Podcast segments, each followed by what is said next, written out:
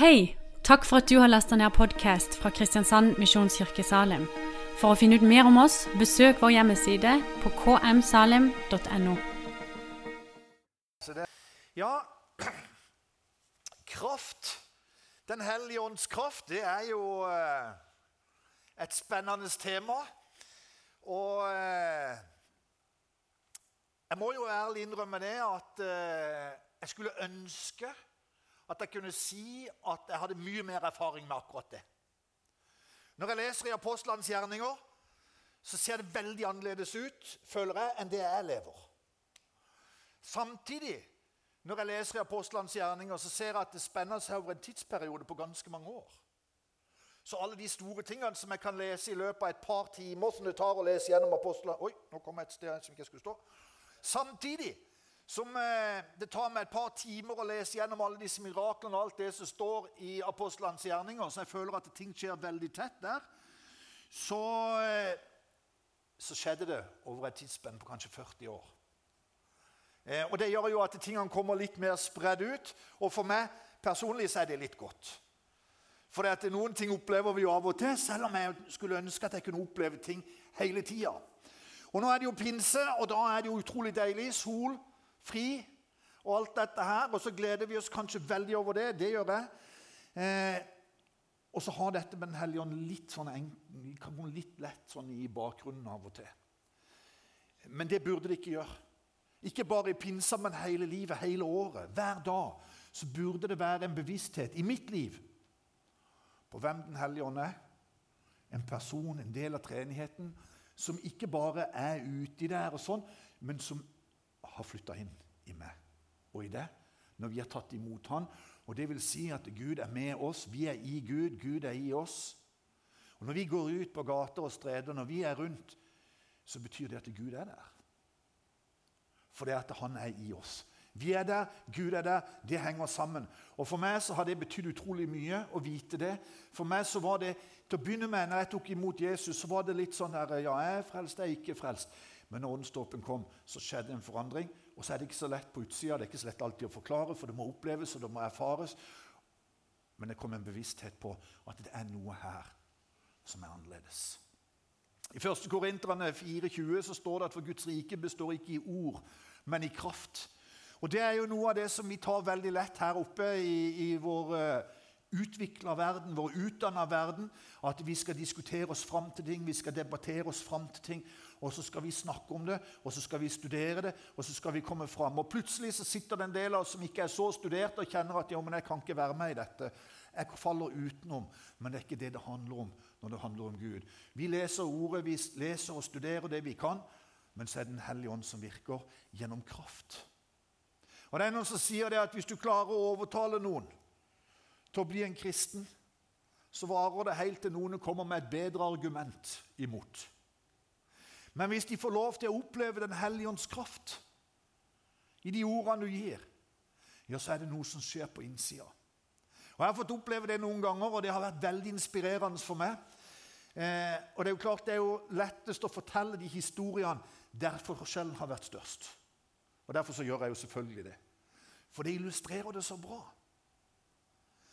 Jeg har jo vært misjonær noen år, og det var fantastisk gøy å høre fra Nepal her.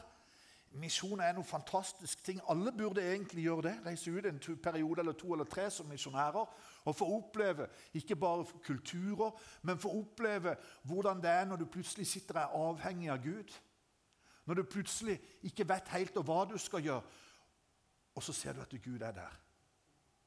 Han er med selv om ikke vi kan. Det å stille seg i en posisjon der vi mister litt kontrollen sjøl, faktisk. Men la Gud få lov til å styre sånn som han sier. Jeg var misjonær i Paraguay noen år. og eh, Da jobba jeg en del i et slumområde, og det var veldig spennende. synes Jeg Jeg fikk mye venner der. Det var kanskje litt naturlig.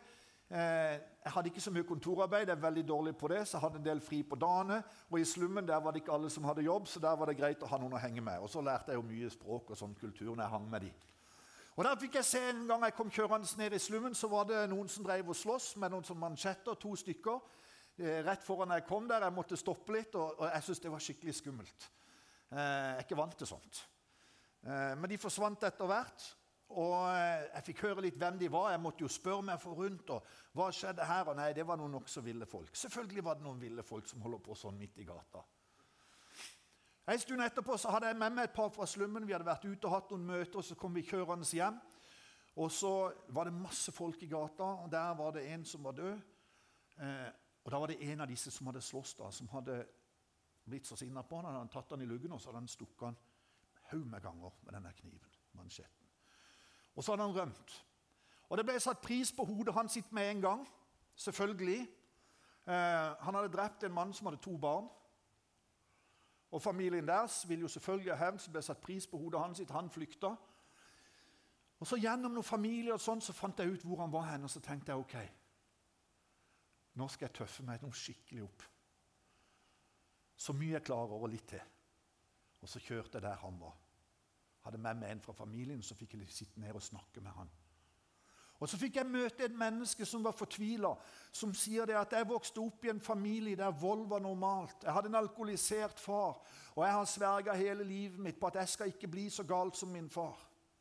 Jeg skal bli mye bedre. Og nå er jeg blitt verre. Plutselig, sa han, så satt jeg her det er livsfarlig for meg å gå ut. Det er livsfarlig hvis folk finner ut av hvor jeg er. og, sånne ting. For meg er det livsfarlig. Og har ikke bare ødelagt én familie, jeg har ødelagt to. For jeg er jo to barn nå som ikke får treffe sin egen far lenger. Så fire barn har ikke far lenger. To damer har ikke mann lenger. Så var han i dyp fortvilelse. Da tenkte jeg ok, nå er jo tida inne da kanskje, til å begynne å dele evangeliet. Dette ser ut som en fantastisk mulighet. Så vi forklarte litt, og jeg er på min dårlige spansk. og ja, gjorde det jeg kunne, da. Og, og, og sånn. Det var sikkert ikke så veldig fornuftig sånn, men noe skjedde likevel. Så vi skulle be, og han etter hvert så ble han med på det at han skulle be en frelsesbønn, be om tilgivelse. Og da skjedde det noe som ikke jeg hadde skjønt, og som ikke jeg hadde opplevd før. For han begynte å grine. Og når du sitter der tre mannfolk, og den ene begynner å grine, så kan det bli litt kleint. Og han grein og han grein. Og vi ba og vi ba med og han andre, da. Og vi ba og sånn, Men det er klart, når det går ti minutter, så begynte det å bli litt sånn. ja, ja. Og han grein og han grein. Og en halv time holdt han på før han endelig slapp opp. Og Vi takka Gud, og det var noe som skjedde med han. Og Jeg spurte han etterpå hva sier jeg, hva skjedde for noen år Så sier han nei, når vi ba frelsesbønn, når jeg ba om at Den hellige ånd skulle komme inn i livet mitt, så var det akkurat som en sånn propp, sånn, sånn som vi har i vasken. Sånn, sånn propp ble tatt ut. Og så var det akkurat som hatet bare forsvant ut, sa han. Og så kjente jeg kjærligheten komme inn. Og det var bare så deilig, sa han. Og så bare kjenne på gleden og kjærligheten. Så var jeg undervist av han en stund, prøvde å lære han opp i litt i Bibelen. og sånn. Så etter noen uker så kommer jeg, så sier han Helge, jeg må ta ansvar for det jeg har gjort. Kan du kjøre meg til politiet? Jeg skal gå og melde meg sjøl. Så fikk jeg kjøre han til politiet, og det var òg en spesiell opplevelse. For de var ikke vant med at folk kom og meldte seg sjøl for mord. Og Så var han der litt, og så ble han satt inn i fengsel. og Så fikk jeg besøke han i fengselet, og så fikk jeg se hvordan han, eller høre om de andre forteller hvordan han, som var en morder, som en gal mann, plutselig risikerte livet sitt og gikk innimellom for å beskytte andre. Så sier Alberto, 'Hva er det som skjer her? Det er jo livsfarlig sånn som du holder på.' Så sier han, 'Jo', sier han, 'men jeg kjenner det at det Jesus har gitt meg, det må jeg vise.' Det er ikke naturlig, det som skjedde med Alberto. Det er ikke naturlig i det hele tatt at en forandrer karakter sånn som det der. Det er kun én ting som kan gjøre det, og det er Den hellige ånds kraft. Den hellige ånd som bor i oss når vi sier 'Ja, Jesus, kom inn i livet mitt'. 'Jeg vil at du skal være herre i livet mitt.' Og vi begynner å følge Han, så skjer det noe inni oss.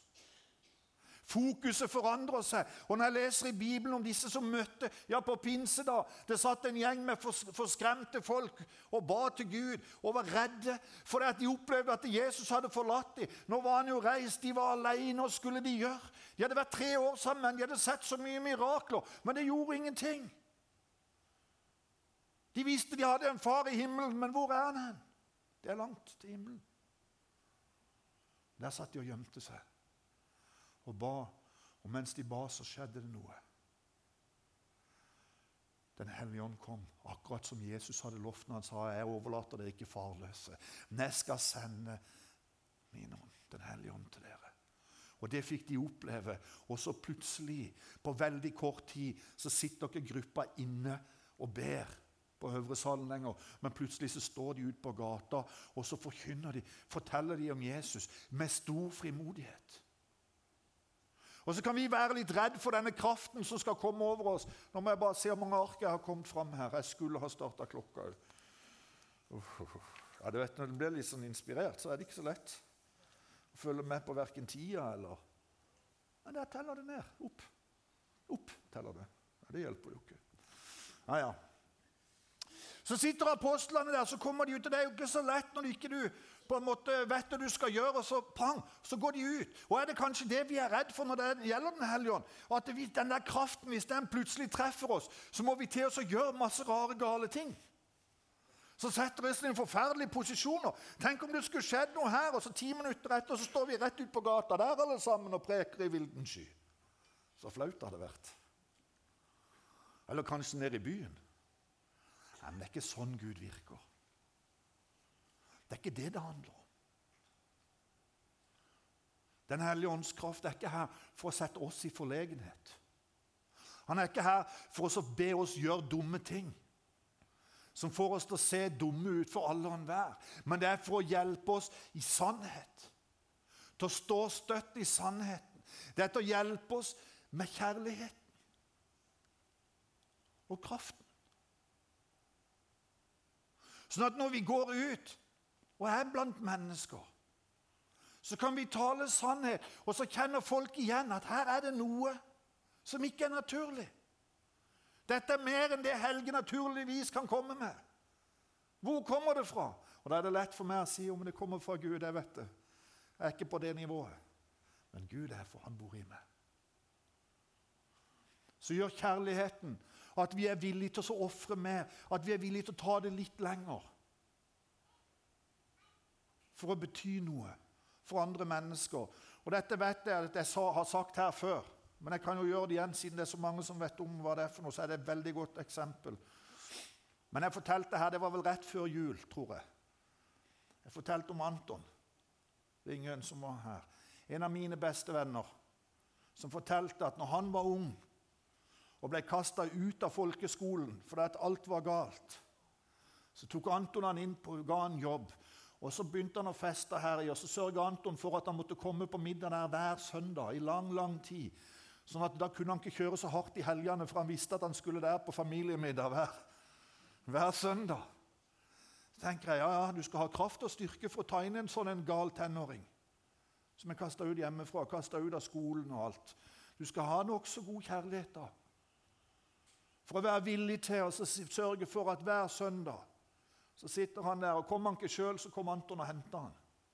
Det er ikke så lett når sjefen plutselig legger sin elsk på det. En hel familie bestemte seg for at vi skal være med og forandre han. Vi skal være med og gi han en mulighet.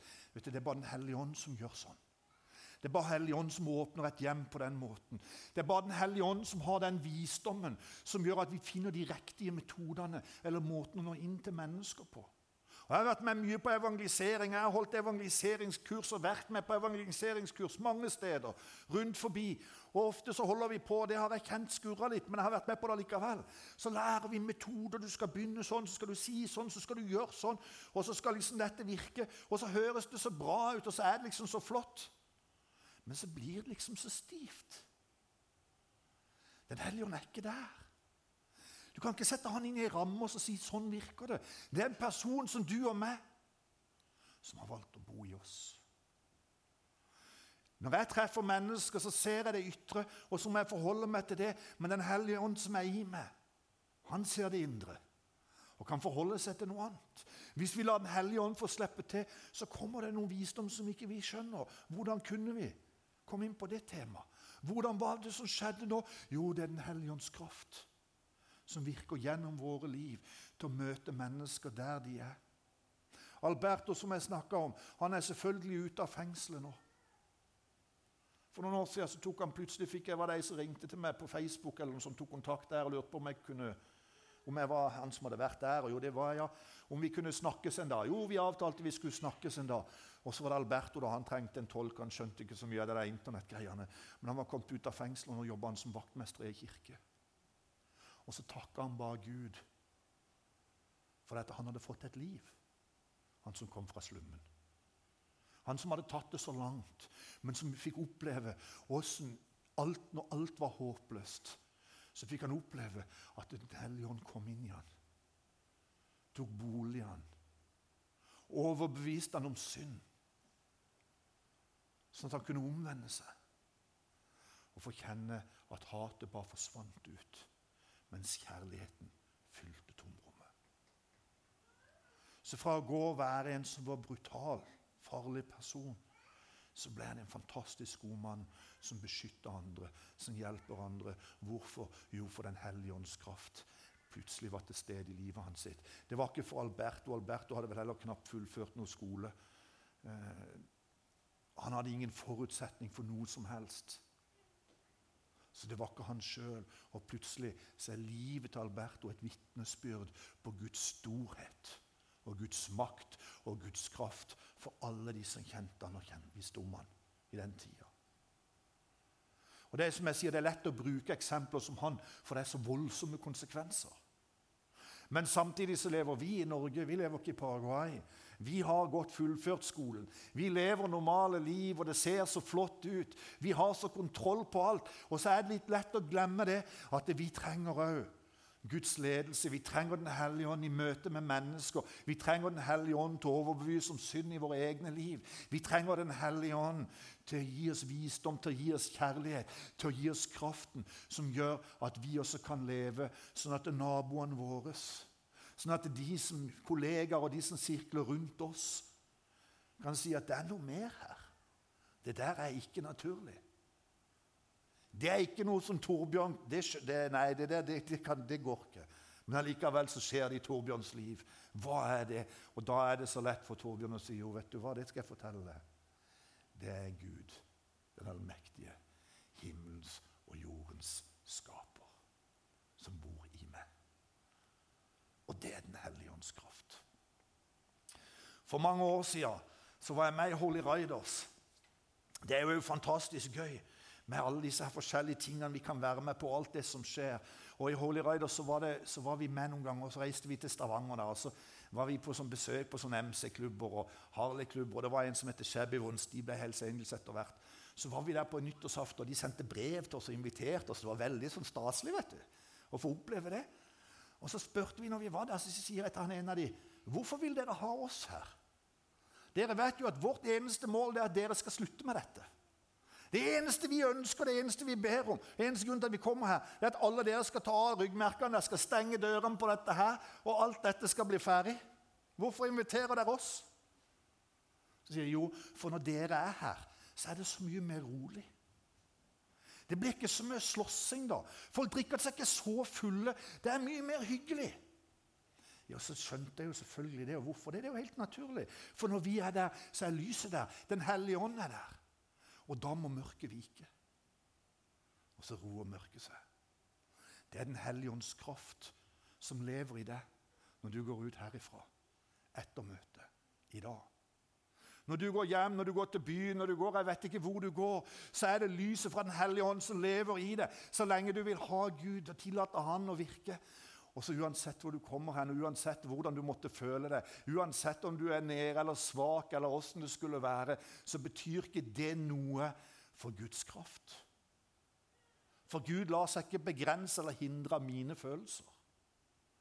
I Johannes 14, vers 15-20 Egentlig burde jeg lese mye mer. Jeg syns det er fantastisk bra. Der står det mye om dette. Egentlig burde jeg nesten lese hele kapittelet. Jeg skal ikke gjøre det. Der står det Dersom dere elsker meg, holder dere mine bud. Og jeg vil be min far, og han skal gi dere en annen talsmann, som skal være hos dere for alltid. Sannhetens ånd, som verden ikke kan ta imot. For verden ser ham ikke og kjenner ham ikke. Men dere kjenner ham, for han blir hos dere og skal være i dere. Jeg lar dere ikke bli igjen som farløse barn, står det. Jeg kommer til dere. Snart ser ikke verden meg lenger, men dere skal se meg, for jeg lever, og dere skal også leve. Den dagen skal dere skjønne at jeg er i min far, og at dere er i meg, og jeg i dere. I 2. Timoteus 1,17 står det for Gud ga oss ikke en ånd som gjør oss motløs. Vi fikk ånden som gir kraft, kjærlighet og visdom.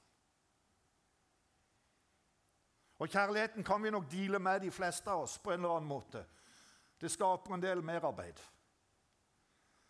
Så det må vi jo ta til takke med. da. Det blir en del ekstra jobb ut av det. For det gjør jo det når vi elsker folk. Når vi begynner å strekke oss og se mennesker som har behov. Så må vi legge til side noe av vårt eget for å være der for noen av de. Og så er det kjærligheten som gjør at vi holder ut i dette. Holder på, holder på. Når det er trasig, når det er vanskelig, det er tungvint, når det ser håpløst ut. Men den kjærligheten som Den hellige ånd gir, gjør at vi holder ut. Visdommen er jo det som gjør at det blir personlig. At vi kommer inn til menneskene der de er. Sånn at vi plutselig treffer på de måtene som ikke vi sjøl hadde noen mulighet til å skjønne at det var der den døra som skulle inn. Og kraften, det er Den hellige ånd, som i det vi deler hans kjærlighet og visdom, gjør at mennesker plutselig skjønner og ser ting som ikke er naturlig å se. Jeg er en synder. Jeg trenger hjelp. Jeg får det ikke til. Hva gjør jeg nå? Jo, det skal jeg fortelle deg. Nå skal vi be til Jesus sammen. Og så skal du få oppleve. Og så skjer det en forandring. Og Det er jo det som er så fantastisk. Nå ser jeg det at nå skal jeg nærme meg fort her, så nå skal jeg bare bla videre her.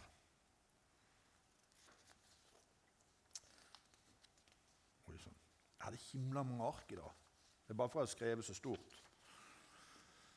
Dere skal få kraft når Den hellige ånd kommer over dere, og dere skal være mine vitner.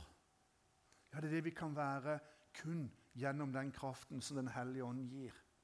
Men det er vi sjøl som velger om vi skal Gud la Gud få slippe til og være de vitnene. Det er vi sjøl som må ta noen skritt ut og si 'Gud, bruk meg'. Helligånd, virk i mitt liv. Prøv å være lydhøre når det er at Den hellige ånd taler til oss, og så si at 'jo, men her er det et eller annet'. Det er veldig lett å neglisjere det. Det er veldig lett å si nei, for det at den kraften er skummel.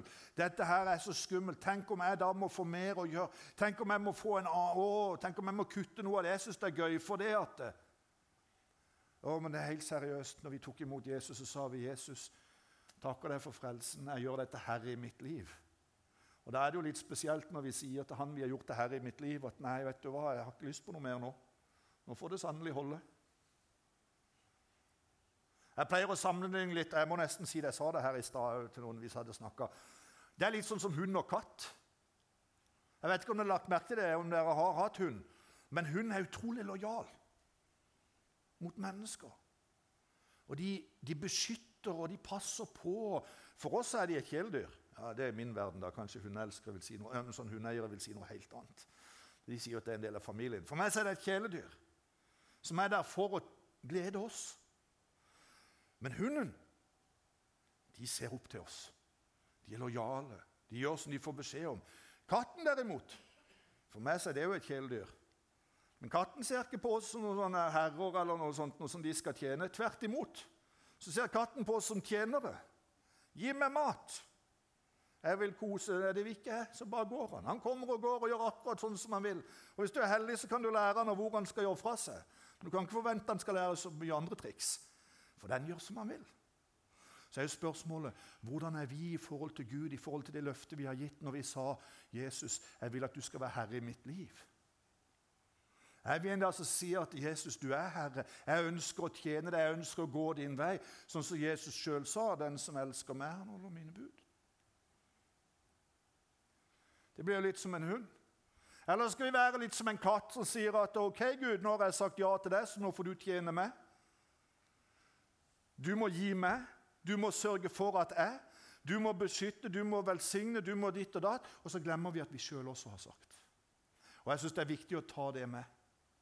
Og Så kan vi fort kjenne på fordømmelse i det, og det trenger vi heldigvis ikke å gjøre, for det er noe som heter nåde. Og det er at når vi ikke får ting til, så kan vi komme til Gud og si, 'Vet du hva, jeg beklager.' Jeg får det ikke til. Hjelp meg i min svakhet. Og så sier Gud, 'Vet du hva, jeg tilgir deg. Kom, nå skal vi begynne på nytt.' Og jeg vet du kommer ikke til å klare dette. Du har ingen forutsetning for å klare dette. Men med Den hellige ånds hjelp, med Den hellige ånds kraft i ditt liv, så skal vi begynne vandringa en gang til. Og så skal du se at nå skal det gå bedre. Himmelske Far, jeg bare takker deg for at din kraft er tilgjengelig for oss i dag, Herre. Jeg takker deg for at ikke vi trenger å frykte. Men for at du er til stede, for at du elsker oss. Takker deg, Herre Far, for at du har tilgitt oss. Takker deg for at du ønsker å lede oss, du ønsker å hjelpe oss og gi oss visdommen vi trenger til å leve det livet vi skal leve, Herre. Jeg takker deg, Herre Far, for at du er sannheten. Og du har flytta inn i våre liv med sannheten. Hjelp oss å se han og holde han, Herre. Sånn at når vi blir utsatt for ting, så klarer vi å stå støtt, Herre. Ikke i vår egen kraft, for den er så liten, men i din kraft, for den er stor nok. I Jesu navn.